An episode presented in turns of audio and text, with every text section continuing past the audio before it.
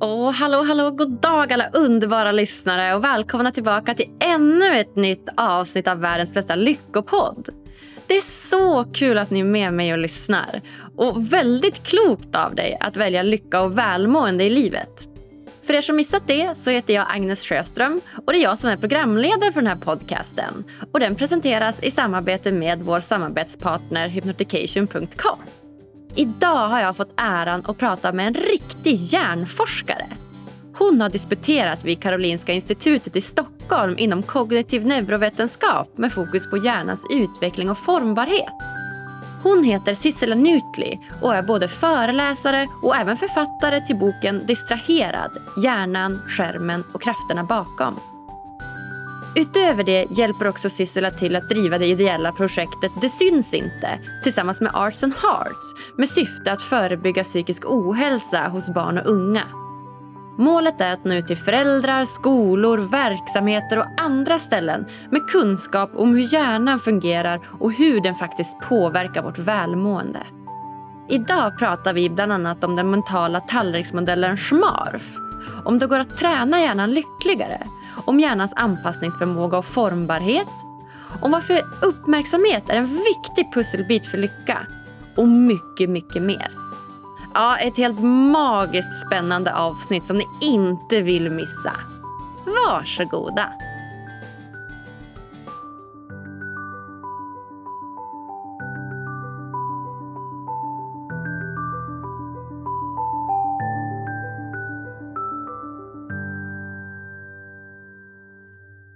Äntligen får jag säga god morgon, god morgon till veckans gäst, hjärnforskaren Sissela Nattli. God morgon! Hur är läget? Ja, men det är bra här. Hur är det själv? Jo, men det, det, det är bra. Jag börjar komma till ro här igen. Jag berättade för dig om min eh, stressade morgon här när jag skulle upp till eh, universitetet och ta coronatest, så, vilket inte gick så bra. Men eh, ja, nu två timmar senare har jag fått ta mitt test och känner mig lugn igen. Ja, det är bra. Det får vi hålla tummarna att du, att du är frisk. Ja, men verkligen. Som sagt, jag har ju inga symptom utan det är min pojkvän som har haft symptom. Men eh, ja, vi bor inte tillsammans eller så vi har inte träffats på länge så jag kan inte tänka mig att jag har det. Men ja, man vet aldrig. Man får vara på den säkra sidan. Ja, det låter bra det. Ja. Har du haft det? Ja, men jag vet inte. Jag, jag tror ju det. Men eh, det var i, i våras, så att, eh, då fick man inte testa. Så att man vet inte. Vi lever som att vi inte har haft det. Så får man se. Ja, men exakt. exakt. Man hoppas att eh, vi är såna som inte blir drabbade så hårt. Alltså att man får den här supersjukdomen och att man knappt kan gå upp ur sängen utan att man ja, blir lite förkyld och kanske tappar lite smak och lukt en vecka. Mm, ja, precis. Det verkar vara så himla olika det där. Ja, men verkligen. Men du, hjärnforskare, Sissela. Det är ju så himla spännande. Hjärnforskare. Jag har ju läst eh, en så grundkurs i biologisk psykologi. Och eh, Då gick vi in lite grann på så hjärnans funktioner och hur hjärnan funkar. Och, ja, jag är så taggad på det här avsnittet. Ja, men vad, vad kul. Ja, jag är också taggad. Ja, vad härligt. Ja, men om, vi, om vi börjar liksom från början, hjärnforskare. Vilka, vilka är dina liksom expertområden? Vad har du gjort i livet?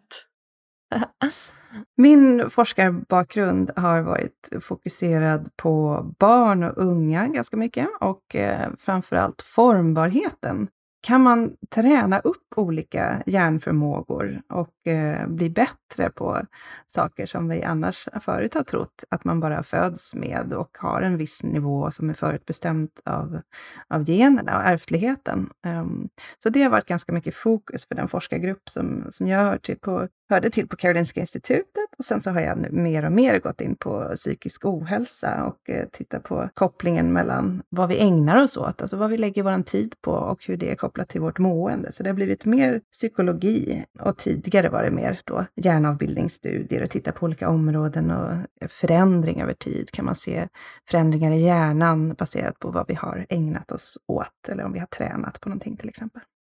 Så att formbarheten, att hjärnan faktiskt är formbar? Mm, precis, och även utveckling. Då, så att, eh, jag var med på studier som följde eh, ungdomar och barn över lång tid och tittade på deras till exempel arbetsminne, alltså förmågan att tänka egentligen. Hur mycket kan man tänka på åt gången? Om utvecklingen av den var kopplad till någonting som man ägnade sig åt på fritiden till exempel, eller ja, hur mycket man motionerade eller an andra aktiviteter så att säga. Så följde vi dem över, över tid och kunde se att det faktiskt skiljer sig åt. I en av mina studier så såg jag att musikspelande, alltså att spela ett musikinstrument, var kopplat till en liksom brantare utveckling av förmågan att tänka över tid. Gud, så spännande! Ja, men det var, det var jättehäftigt. Ja.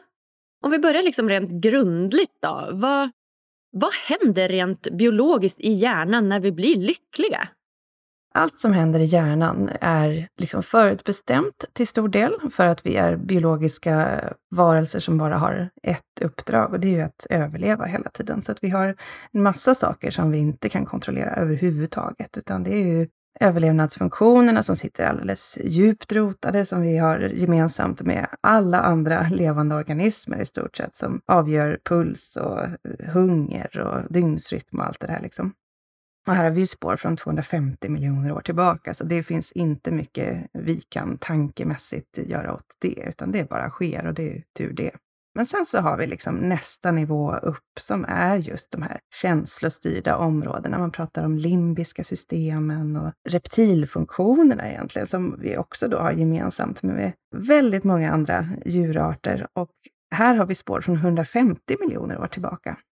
Så om man jämför med de här nyaste pannlobsfunktionerna som bara har ungefär 40 000 år i mognad, så kan man ju förstå att så här, känslolivet är också till stor del automatiserat.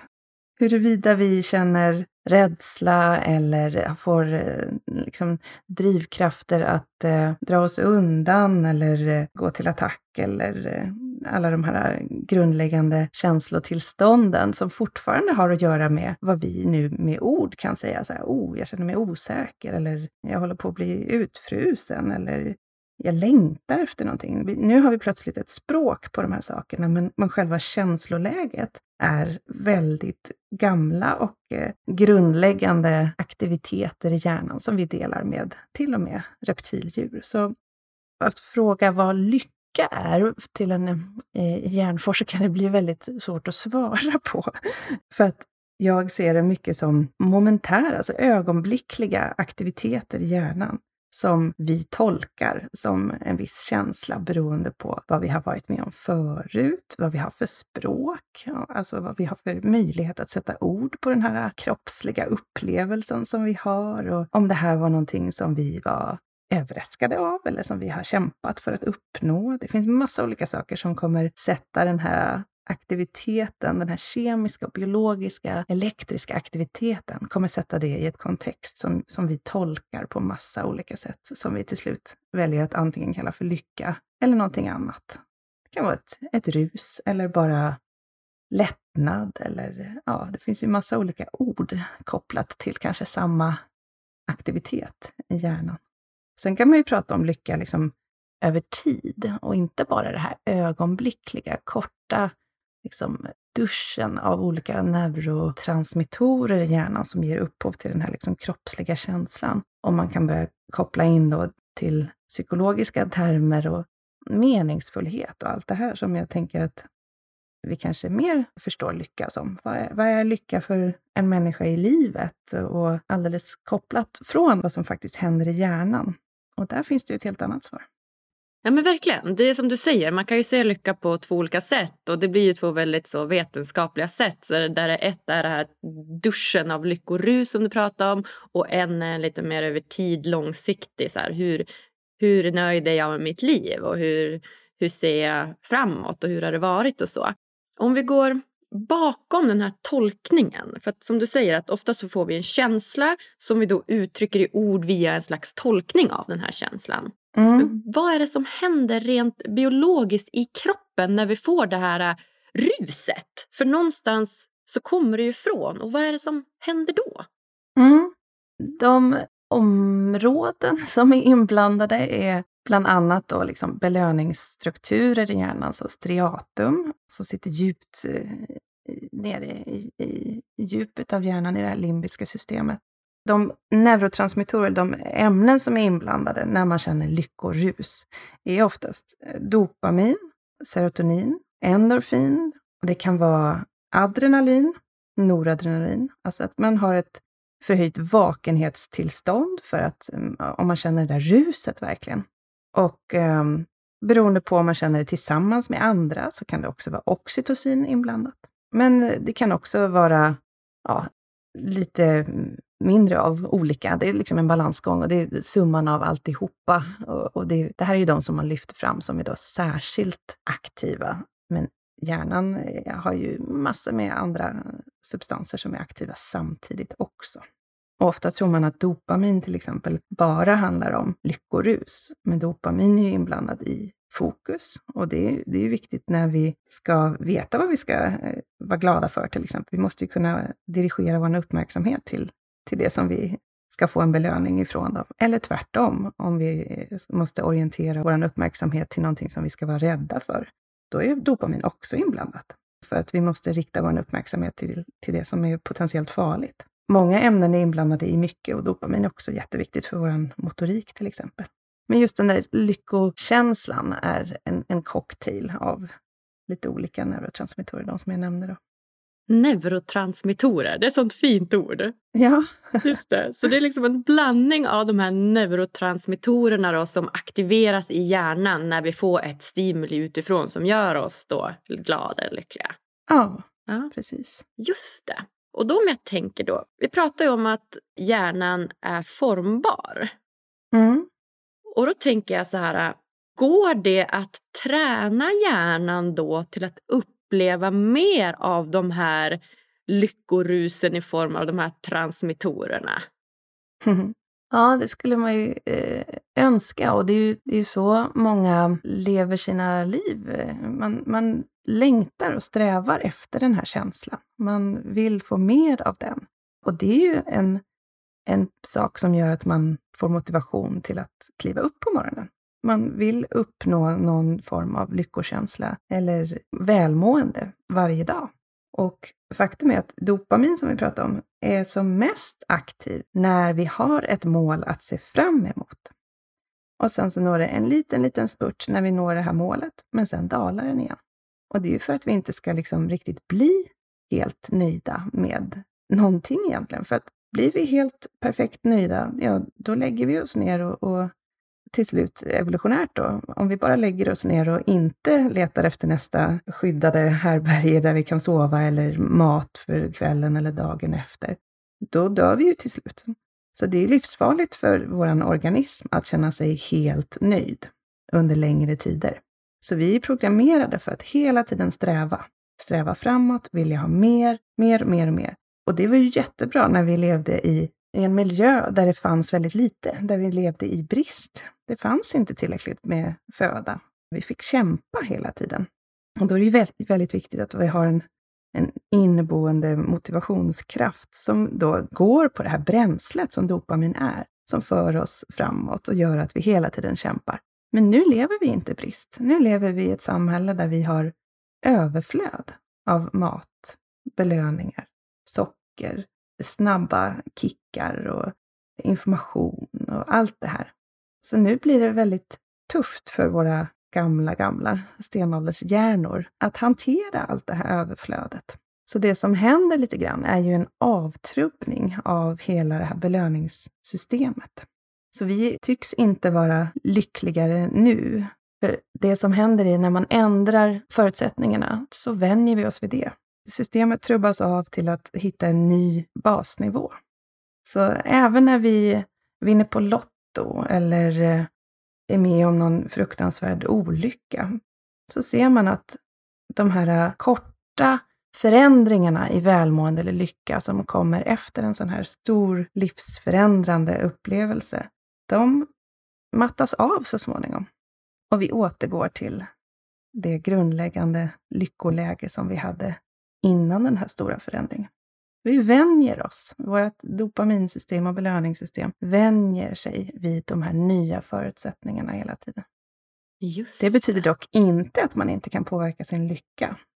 Men de här stora lite mera statiska, eller vad ska man säga, enskilda händelseförlopp som gör att någonting stort händer som påverkar våra liv. De vänjer vi oss vid efter en tid. Just det, okej. Okay.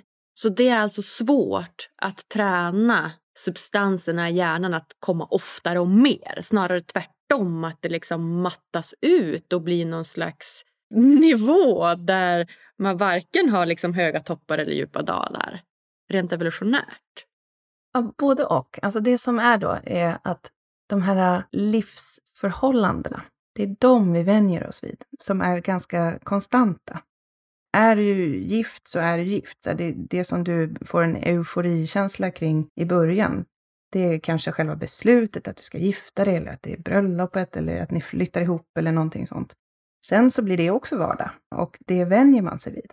Så själva faktumet att man är gift kommer sen inte påverka ens lycka till, till, till vardags, utan den kommer gå tillbaks till ungefär de nivåer som var innan man blev gift. Däremot så ser man också i forskning att man kan påverka sin lycka genom att ta aktiva beslut och utföra handlingar. Så om du ser till att nära din relation och ha en date night och ofta liksom se till att man får en bra gemenskap eller eh, känna närhet till varandra, då kan det påverka. Men då är det saker som är aktiva beslut och handlingar som du måste anstränga dig för att utföra. Och de har en effekt på din lycka. Aha. Så att man kan påverka lyckonivåerna rent biologiskt genom att ta de här aktiva handlingarna? Ja, och de måste vara korta. Alltså det måste vara, om det är någonting som är konstant, till exempel att du köper en ny säng, då är det jätteskönt den där första natten och bara åh, gud, min säng, det är fantastiskt liksom. Men natt fem så har du vant dig vid den där fantastiska sängen och har inte sen då en förhöjd nivå av glädje kring att du har köpt en ny säng, utan det som du måste tillföra för att det ska bli lycka är korta handlingar med variation. Så kanske snarare vad du gör i sängen. så himla bra! Du vet, till exempel ha sex. exempel. Ja, till exempel. Men det jag menar är liksom, det måste inte vara det. Det kan vara att börja träna och då variera sin träning till exempel. Eller att se till att de aktiviteter som man ägnar sig åt är någonting som ger en lite spänning, där det finns variation och som passar dina drivkrafter, så att säga. Och är eh, korta i tid. Det kan inte vara en konstant aktivitet, för då kommer hjärnan att vänja sig och eh, bli avtrubbad. Ja, men så himla bra. Men kan vi inte hjälpas åt att namedroppa lite olika korta aktiviteter till lyssnarna? Kan vi inte hjälpas åt lite grann? jo, det kan vi göra. Vi sa ju sex och vi sa träning. Aha. Eh, vi sa date night. Mm. Spela spel, ta en cykeltur. Alltså det, det, kan ju vara hur man transporterar sig, att man varierar sättet som man gör saker på. Ibland tar man en, den långa vägen, ibland går man genom skogen, ibland cyklar man, ibland åker man rullskridskor. Det kan ju vara att göra en ny rätt när man lagar sin vanliga korvstroganoff och så gör man någon ny variation på den. Det handlar om liksom att hitta små saker som blir en nyhetens behag plötsligt. Ja, men jättebra. Det ska jag verkligen tänka på. För Jag kan ju då, om jag går till mig själv, märka att, att Alltså jag är väldigt nöjd med mitt liv. Alltså jag är så nöjd verkligen så här, överlag. Att, eh, ja, men jag pluggar, jag pluggar på distans nu, lite i skolan, lite hemma. Jag eh, poddar och får träffa er fantastiska gäster och lär mig supermycket. Jag har en jättefin lägenhet, jag har en jätteunderbar pojkvän, jag har eh, familj och brorsor i närheten, fina vänner. Jag känner verkligen att överlag, liksom, om, om jag ska säga lyckonivån överlag, alltså över tid, är väldigt, väldigt hög här hos fröken Sjöström. Grattis! Ja, tack, tack. men mm. däremot kan jag ju känna... Ja, men det är härligt. Men däremot kan jag också känna att jag är, blir lite den här dopaminjunkien. Att jag kan liksom leta efter så nya äventyrliga grejer. Och jag har känt av det här extra mycket nu när jag under helgen har satt mig själv i någon typ av av coronakarantän då eftersom att jag troligtvis inte har corona men jag vill ändå vara försiktig eftersom att min pojkvän har det och liksom klättrar på väggarna här inne och det är nästan pinsamt hur så här synd jag tycker om mig själv och bara mm. åh, nu eh, får jag inte gå ut och umgås med mina vänner i helgen eller du vet så här. Och jag kan komma på mig själv att så här, men Agnes, det är en helg eller det är liksom kanske en vecka som du ska ta det, ta det lugnt mm. och vara inne. Liksom, det är inte hela världen. Men jag märker hur jag verkligen letar efter de här små dopaminkickarna i vardagen.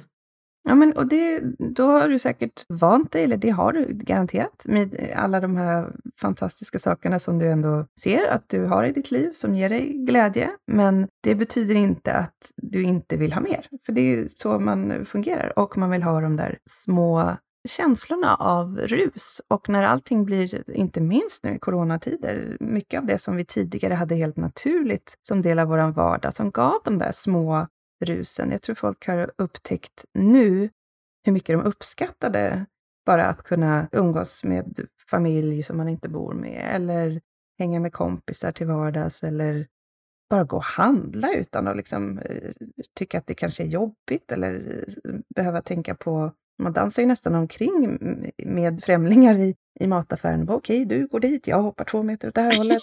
Ja, man, man är ju väldigt liksom medveten om det här äh, osynliga hotet och plötsligt så saknar man saker som man förut tog för givet. För nu har vi liksom hoppat ner en nivå då i saker som var självklart förut, saknar vi nu och tycker så här, åh, det där har jag aldrig tänkt på att jag ens hade i mitt liv eller uppskattade. Och det är därför lycka alltid är subjektivt. Ökar man sitt liksom välstånd, om man tittar på sådana här liksom socioekonomiska studier och man mår bättre, man känner sig mer lycklig när man har nått en viss grundnivå. Alltså, vi mår bättre om vi kan nå upp till att få alla våra grundläggande basbehov mötta och ha en trygg eh, situation där vi har mat på bordet och ett hus, och liksom tak över huvudet och allt det här. Och att sen är det liksom upp till en viss nivå av att man blir lite lyckligare ju mer inkomst man har. Men sen slutar det. Alltså vi blir inte lyckligare ju mer pengar vi tjänar. För att vi vänjer oss vid en viss nivå. Och om det där pengarna inte också kopplas till att vi uppnår mer meningsfullhet eller saker som ligger nära våra kärnvärderingar så har pengarna i sig ingen, ingen betydelse för vår lycka. Så att vi, vi vänjer oss vid det som vi har och det man söker efter är då de här små vardagliga kickarna. De söker alla, oavsett om man heter Zlatan eller eh, har hur mycket pengar som helst eller eh, ja, Pewdiepie eller mm, ja, alla söker efter små kickar. Och de kan vi få på väldigt olika sätt. Alla är inte likadana utifrån vad vi går igång på, men alla behöver eh, saker som får oss att kliva upp på morgonen. Mm, verkligen. verkligen. Ja, jag ska skriva en lista nu efter det här med så här, nya saker jag vill göra. Nya maträtter jag vill äta. Nya aktiviteter jag vill prova och bara beta av de här en efter en sen. ja, vad härligt. Men du, då tänker jag så att vi har ju fått den här, den här hjärnan som liksom skapades för men, flera hundratusen år sedan och det är den vi har att att jobba med alla, liksom alla på den här, på den här jorden. Mm. Det jag funderar på då, är det någonting som vi bör undvika att utsätta våra hjärnor för för att liksom bli så lyckliga eller välmående som möjligt? För Hjärnan är ju inställd på att leta efter faror och hot rent biologiskt. Den är ju liksom inställd på det. Och därför undrar jag, finns det något vi kan göra åt det? Jo, men det, det finns det ju det är lite olika saker jag tänker på här. Dels är det ju vad vi ska undvika mest. Tittar man på all forskning som har både med vår liksom fysiska hälsa men också vår mentala hälsa så är ju det här med långvarig stress ska vi verkligen försöka undvika. Och det handlar ju inte om att jäkta till bussen eh, för att hinna med, utan det handlar om att under flera veckor, månader och år för vissa leva i förhållanden där vi känner vanmakt eller inte kan påverka vår situation, där vi lever under hot, där vi inte känner oss eh, uppskattade, att vi inte har några valmöjligheter, eller i en överstimulans där vi har för hård belastning på på våra tankemässiga system. Det kan vara arbetsrelaterade eller stark oro för en anhörig samtidigt och så vidare, som ofta leder till utbrändhet till exempel. Det ska vi undvika så mycket vi bara kan, för det här är kopplat till en frisättning av kortisol och det är ju en neurotransmitter som är ett eh, hormon också och det ska helst inte cirkulera fritt i hjärnan, utan det har massa funktioner som hjälper oss att överleva förstås. Men långvarigt fritt cirkulerande kortisol i hjärnan är toxiskt. Det är giftigt för nervcellerna. Och nervcellerna har då inget val förutom att då ta bort kortisolet och det enda sättet som de kan göra det är att suga in kortisolet i själva nervcellen och döda av den nervcellen. Så fritt cirkulerande kortisol i hjärnan dödar nervceller. Det här sker både i områden som har med vår minnesinlagring att göra, hippocampus, ehm, som ska hjälpa oss både med att orientera oss i tid och rum, men också att skapa nya minnen. Men det sker också i liksom, pannlobsfunktioner som har med uppmärksamhet att göra. Så man, tidiga tecken på att man ligger lite risigt till vad det gäller just eh, stress i hjärnan är ju att man blir tankspridd, man tappar tråden, eh, man börjar tappa ord och ja, får en, en förvirring som kan vara kopplat till det här. Så man ska verkligen sätta sin egen hälsa och sin återhämtning, för det är ju oftast det det handlar om. Vi klarar ganska mycket stress så länge vi kan återhämta oss emellan. Men får man inte till den här återhämtningen så får man då det här fritt cirkulerande kortisolet. Och det kan ta väldigt lång tid att komma tillbaka när det har väl startat igång, de processerna. Plus att det är förhöjd risk för massa andra sjukdomstillstånd. Då. Så att, eh, om det är något man ska undvika så är det långvarig stress. Det ska man verkligen ta på allvar och se till att man får sina grundläggande behov tillgodosedda. Och det finns ganska mycket forskning på vad de här behoven är. Det är liksom balans i sju olika områden egentligen. Den mentala tallriksmodellen. Den mentala tallriksmodellen, alltså, vad, berätta mer. Vad, vad är det? Ja, det är en, en modell sammanställd av eh, två forskare som heter ja, Rock and Siegel. De har tagit fram då The Healthy Mind Platter. Och um, jag driver ett projekt som heter Det syns inte, där vi har eh, bearbetat det här bland annat eh, för att vi fokuserar på att ta fram information och kunskap för unga och vuxna om hur man kan förebygga psykisk ohälsa och hur man kan stärka sitt välmående.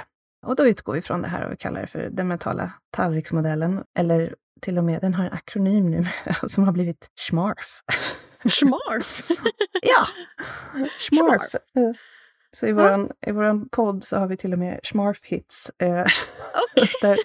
vi har en liten, eh, ett litet potpurri med låtar med SMARF-hits så att man lättare ska komma ihåg vilka de här sju olika delarna är. Men gud vad roligt! Vill du inte dela med dig? Jo, absolut. Så S är då för sömn förstås. Och det här kan man inte trycka på nog, hur viktigt det är med sömn. Och det, det, är en sån tydlig koppling när man tittar på forskning mellan att sova för lite och ha en ökad risk för depression till exempel.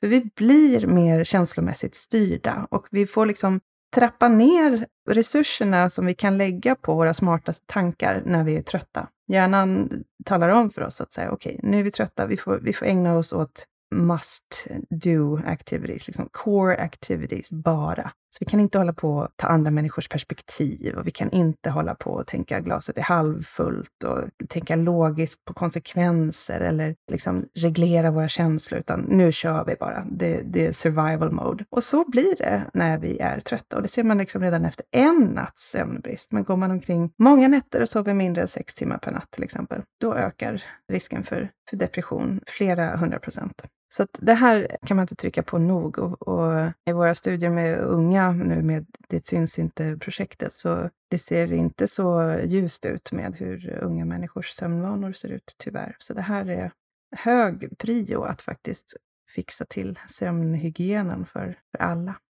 särskilt unga. Men okej, okay, så jag fastnar redan på första här. Schmarf-modellen S, sömn. Eh, C är chilltid. Vi behöver tid där vi inte har några liksom, ambitioner om att prestera, där vi faktiskt bara får ta det lite lugnt och återhämta oss och göra vad vi än känner att vi får ut någonting av, där vi inte som sagt behöver prestera. Och det kan vara sociala medier, scrolla eller sitta i soffan eller göra vad som helst. Bara det innehåller något som känns nice och lugn och ro för en, en själv. Um, Schmarf, SCH. Nu kommer järnvila. Järnvila är tid där vi inte ägnar oss åt saker där vi stimulerar oss med information eller underhållning utifrån. Så alltså tid när vi inte ens lyssnar på en podd som okay. du gör nu. Ja. stäng av, stäng av! Nej. Ja, det skulle mer vara chilltid, att uh, lyssna på en podd till exempel. Men uh, järnvila är alltså verkligen tid där man får reflektera lite över sina egna tankar, kanske ägna sig åt meditation eller bara djupandas.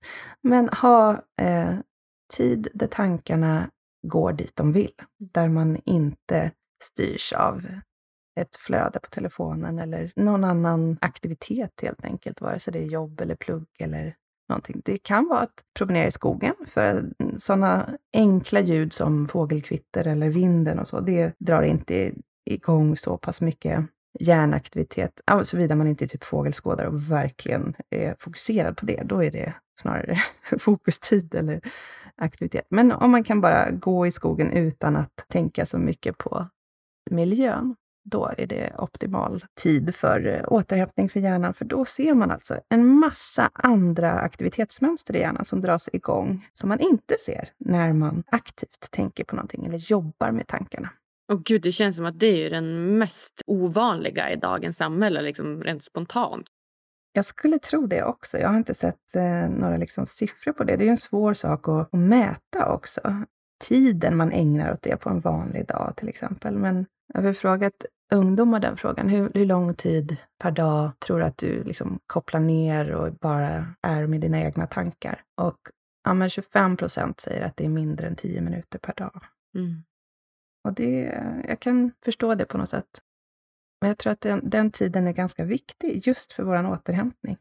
Mm. Det är ju precis då hjärnan som sagt får en aktivitet i det som kallas för standardnätverket, där man ser att man reflekterar, man bearbetar det som man varit med om, man liksom får nya perspektiv. Det är bara då vi kan få nya idéer till exempel. Okay. Så den här tiden är nästan liksom minimerad till när man står i duschen numera. Eller hur? Och jag tänker nu med alla liksom serier och sociala medier och alla skärmar man har framför sig i princip hela tiden. Så nej, mer av den tiden till folket då. Ja, men det tror jag. Schmarf. Nu har vi kommit till M, motion förstås. Vi vet ju hur mycket forskning som helst som visar på att när vi rör oss regelbundet och får till vardagsrörelsen framför allt, så har vi en bättre cocktail av de här neurotransmittorerna i hjärnan. Så vi skapar bättre förutsättningar för oss att faktiskt ta oss an det där perspektivet om att glaset är halvfullt. För att vi har mer energi, vi har en liksom, cirkulation som dessutom tar bort eh, de här stresshormonerna. Vi kan vara lugnare, vi kan liksom kosta på oss att tänka smartare tankar om vi har motionerat regelbundet. Schmarf A. Meningsfulla aktiviteter. Aktiviteter. Och det här handlar ju om att hitta sin grej. Att hitta saker som man går igång på, som man kan ägna sin tid åt på fritiden eller och man kan jobba med det såklart också bra, men att göra saker som ligger i linje med ens drivkrafter. Det kan vara värderingar eller det kan vara saker som man blir glad av. Bara så här, jag gillar att fäkta. Då får jag utlopp för eh, den här tävlingsinstinkten eller vad det nu kan vara. Jag har faktiskt aldrig fäktat, så det är ett dåligt exempel för att kunna elaborera kring. Um, men uh, ja, för mig då, spela piano eller sjunga, då får jag en massa härliga känslor och känner mig lugn och har ett, eh, ett lugn efter jag har gjort den här aktiviteten som jag tar med mig in i nästa del av dagen som jag kanske måste göra då. Meningsfulla aktiviteter är också eh, i forskningen kopplat till ett ökat eh, välmående och inte minst att ha saker att se fram emot. Att veta att så här, äh, på onsdag är min tennislektion eller ja, då ska jag, jag ska baka i helgen och jag älskar att baka eller jag ska pyssla eller eh, jag ska göra, hjälpa till och göra läxhjälp för någon som behöver det. Något som känns bra för en själv helt enkelt. Så meningsfulla aktiviteter. Schmarf. Nu kommer vi till R. Relationer. Det är också ett sånt grundläggande behov att känna samhörighet, att få känna att man hör ihop, att man har ett sammanhang där man betyder någonting och att man känner sig viktig för andra människor. Och det är ju också en aktiv handling att bidra till det, att ge det till någon annan. Och det har ju också varit särskilt utmanande i de här coronatiderna, att faktiskt se till att fortsätta visa det för varandra, även när vi inte kan ses. För ofta kan det räcka med liksom ett leende till någon, eller att man går förbi någon om man har en arbetsplats eller en skolmiljö eller någonting, att säga hej, hej. Ett budskap om att jag ser dig. Du är inte ingen för mig. Du är inte osynlig. Men att faktiskt dra iväg ett text till samma människa och bara hej, hej. Den tröskeln kanske är betydligt högre så vi har liksom tappat många av de här små, små interaktionerna som, som också bidrar till vårt välmående. Och här krävs det ju liksom större ansträngning. Och eh, har man inte de där eh, riktigt nära relationerna varje dag i sitt liv så kan det bli en väldigt påtaglig skillnad i de här tiderna när vi är så pass isolerade. Så ska man göra någon tanke kring det idag så skulle jag säga hör av dig till den där kompisen eller den där personen som, som du tror skulle uppskatta det lite extra. Det kan räcka med ett jag tänker på dig, hoppas du mår bra, eller ett telefonsamtal, ännu bättre. Eller ännu bättre, ett videosamtal, i brist på att faktiskt göra det som hjärnan gillar bäst, att ses live. För då får vi som mest utsöndring av till exempel oxytocin och det här hormonet som får oss att känna samhörighet och får oss att också faktiskt lugna ner kortisol, det här stresshormonet särskilt för kvinnor. Det är en koppling till östrogen där som är ganska spännande. Men vi behöver allihopa det här. Och husdjur är också väldigt bra på att sätta igång en ökad utsöndring av oxytocin. Men så himla spännande som du sa att det här var kopplat extra mycket till kvinnor.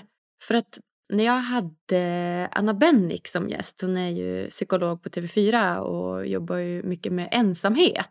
Mm. Så menar hon på då att den största liksom, gruppen i samhället som, som känner sig isolerade och ensamma är män. Mm. Män i någon slags medelålder, jag tror 25-35 kanske. Mm. Hur tror du att det hänger ihop?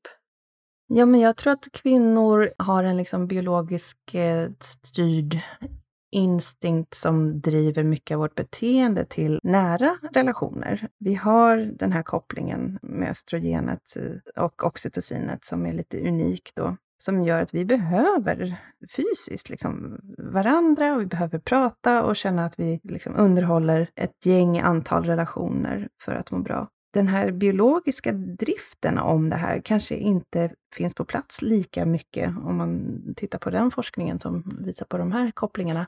Det betyder inte att de inte behöver människor eh, för att må bra, men de har kanske inte den här eh, biologiska drivkraften som hjälper till att styra beteendet åt det hållet. Just den naturliga med eh, lusten Nej. och viljan. Mm. Nej, men det, det, jag fattar. Mm. Men de behöver sannolikt relationer precis lika mycket som som kvinnor och kanske ännu mer, kanske lika mycket, vad, vad vet jag. Men den här liksom, biologiska kopplingen som kvinnor tycks ha, som är kopplad till då oxytocin och östrogen, finns inte där som, som hjälp kanske då att driva på de här beteendena där man faktiskt plockar upp luren och bara säger hej, hur är läget? Jag ville bara småprata lite.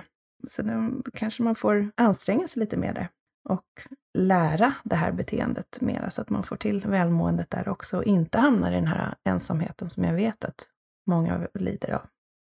Sista akronymbokstaven, SMARF. F är fokustid. Och då menar man schysst fokustid, alltså möjligheten att fokusera.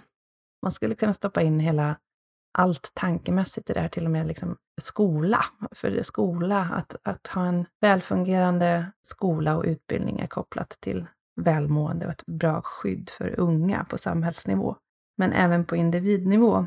Att man har en förståelse för hur uppmärksamheten fungerar, hur ens möjligheter till kognitiv, tankemässig, alltså prestation, fungerar. Så att man kan skapa bra förutsättningar för, för att faktiskt få till det där tänkandet som vi många gånger behöver göra.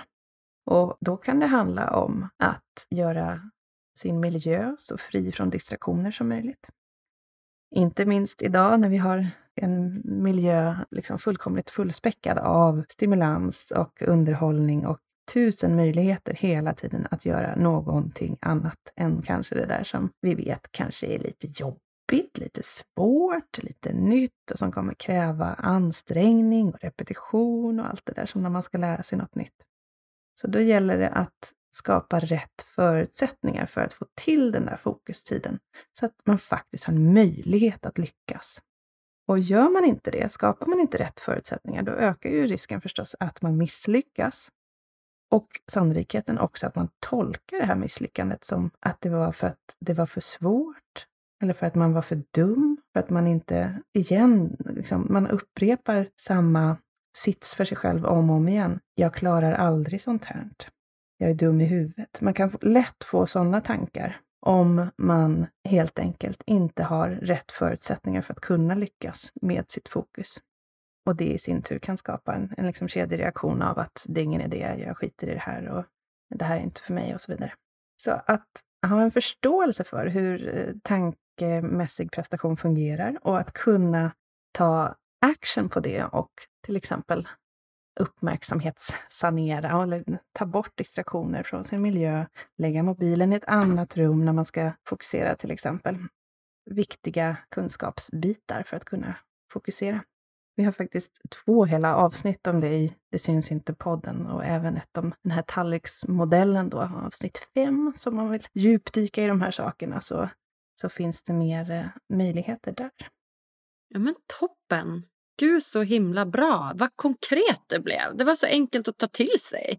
Det är som att man kan ha den här modellen framför sig och sen kollar man på den varje dag och utgår lite grann från den.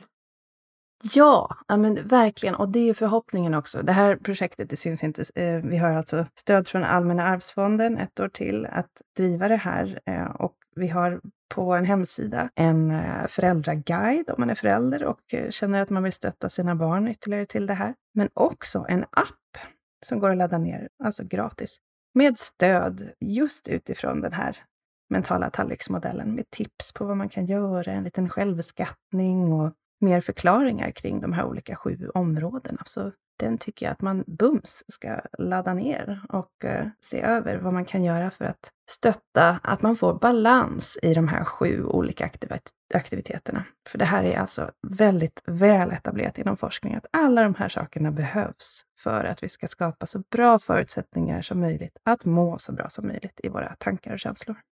Wow! Alltså, jag kan verkligen se med den här modellen liksom på skolor att man liksom lägger in det här som någon slags obligatorisk eh, tid i skolan. Att så här, tänk om man gjorde det här typ varje måndag morgon, typ eh, en timme. Att man så gick in och typ svarade på några frågor som till slut gjorde att man fick den här modellen framför sig och så se typ så hur mycket av varje del man har i sitt liv. Och så kan man då själv som ung titta på den här och bara aha just det, jag har för lite av det där, men jag kanske måste göra det. Så att man själv blir medveten. Exakt! Och det är precis det som är vår eh, dröm och ambition att vi ska kunna utveckla om vi, om vi får eh, ja, utökat... Eh, vi behöver stöd egentligen för att kunna fortsätta det arbetet, men det, det skulle vara drömmen, för jag tror precis som du att man måste själv få kunskap om det här för att kunna ta action på det här. Och det kan inte riktigt komma utifrån, utan det här måste man aktivt vara en del av för att det ska bli de välgörande effekter som man ser i forskningen. Men wow! Men om, då, om vi tänker nu att vi har spelat in det här avsnittet klart och ska vi skicka det till någon som är liksom högt uppsatt, som kan liksom påverka det här. Vem ska vi skicka det till då?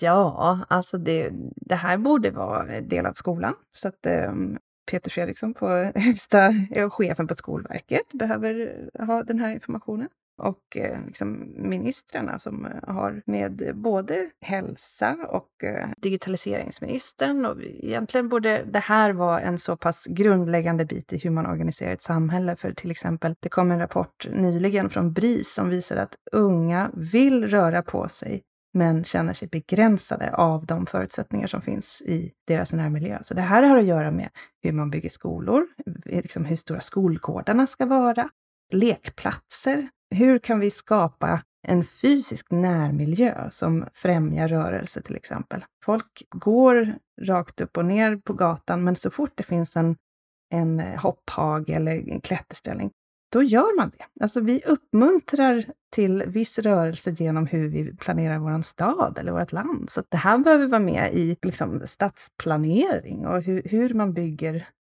samhälle också utifrån hur skapar vi schysst fokustid. Vi kan inte ha öppna kontorslandskap eller glasväggar mellan klassrum till exempel. Vi är inte funtade så. Hjärnorna är inte byggda för att klara av det.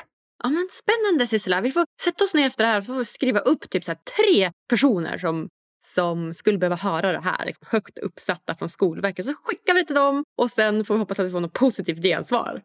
Ja, absolut. Snyggt. Super. Du, jag tänker att tiden börjar rinna ifrån oss lite här. Eh, men jag tänker att vi ska gå in på de sista frågorna som jag brukar ställa till mina gäster. Mm. Och eh, den första frågan är ju då, vad gör dig riktigt lycklig?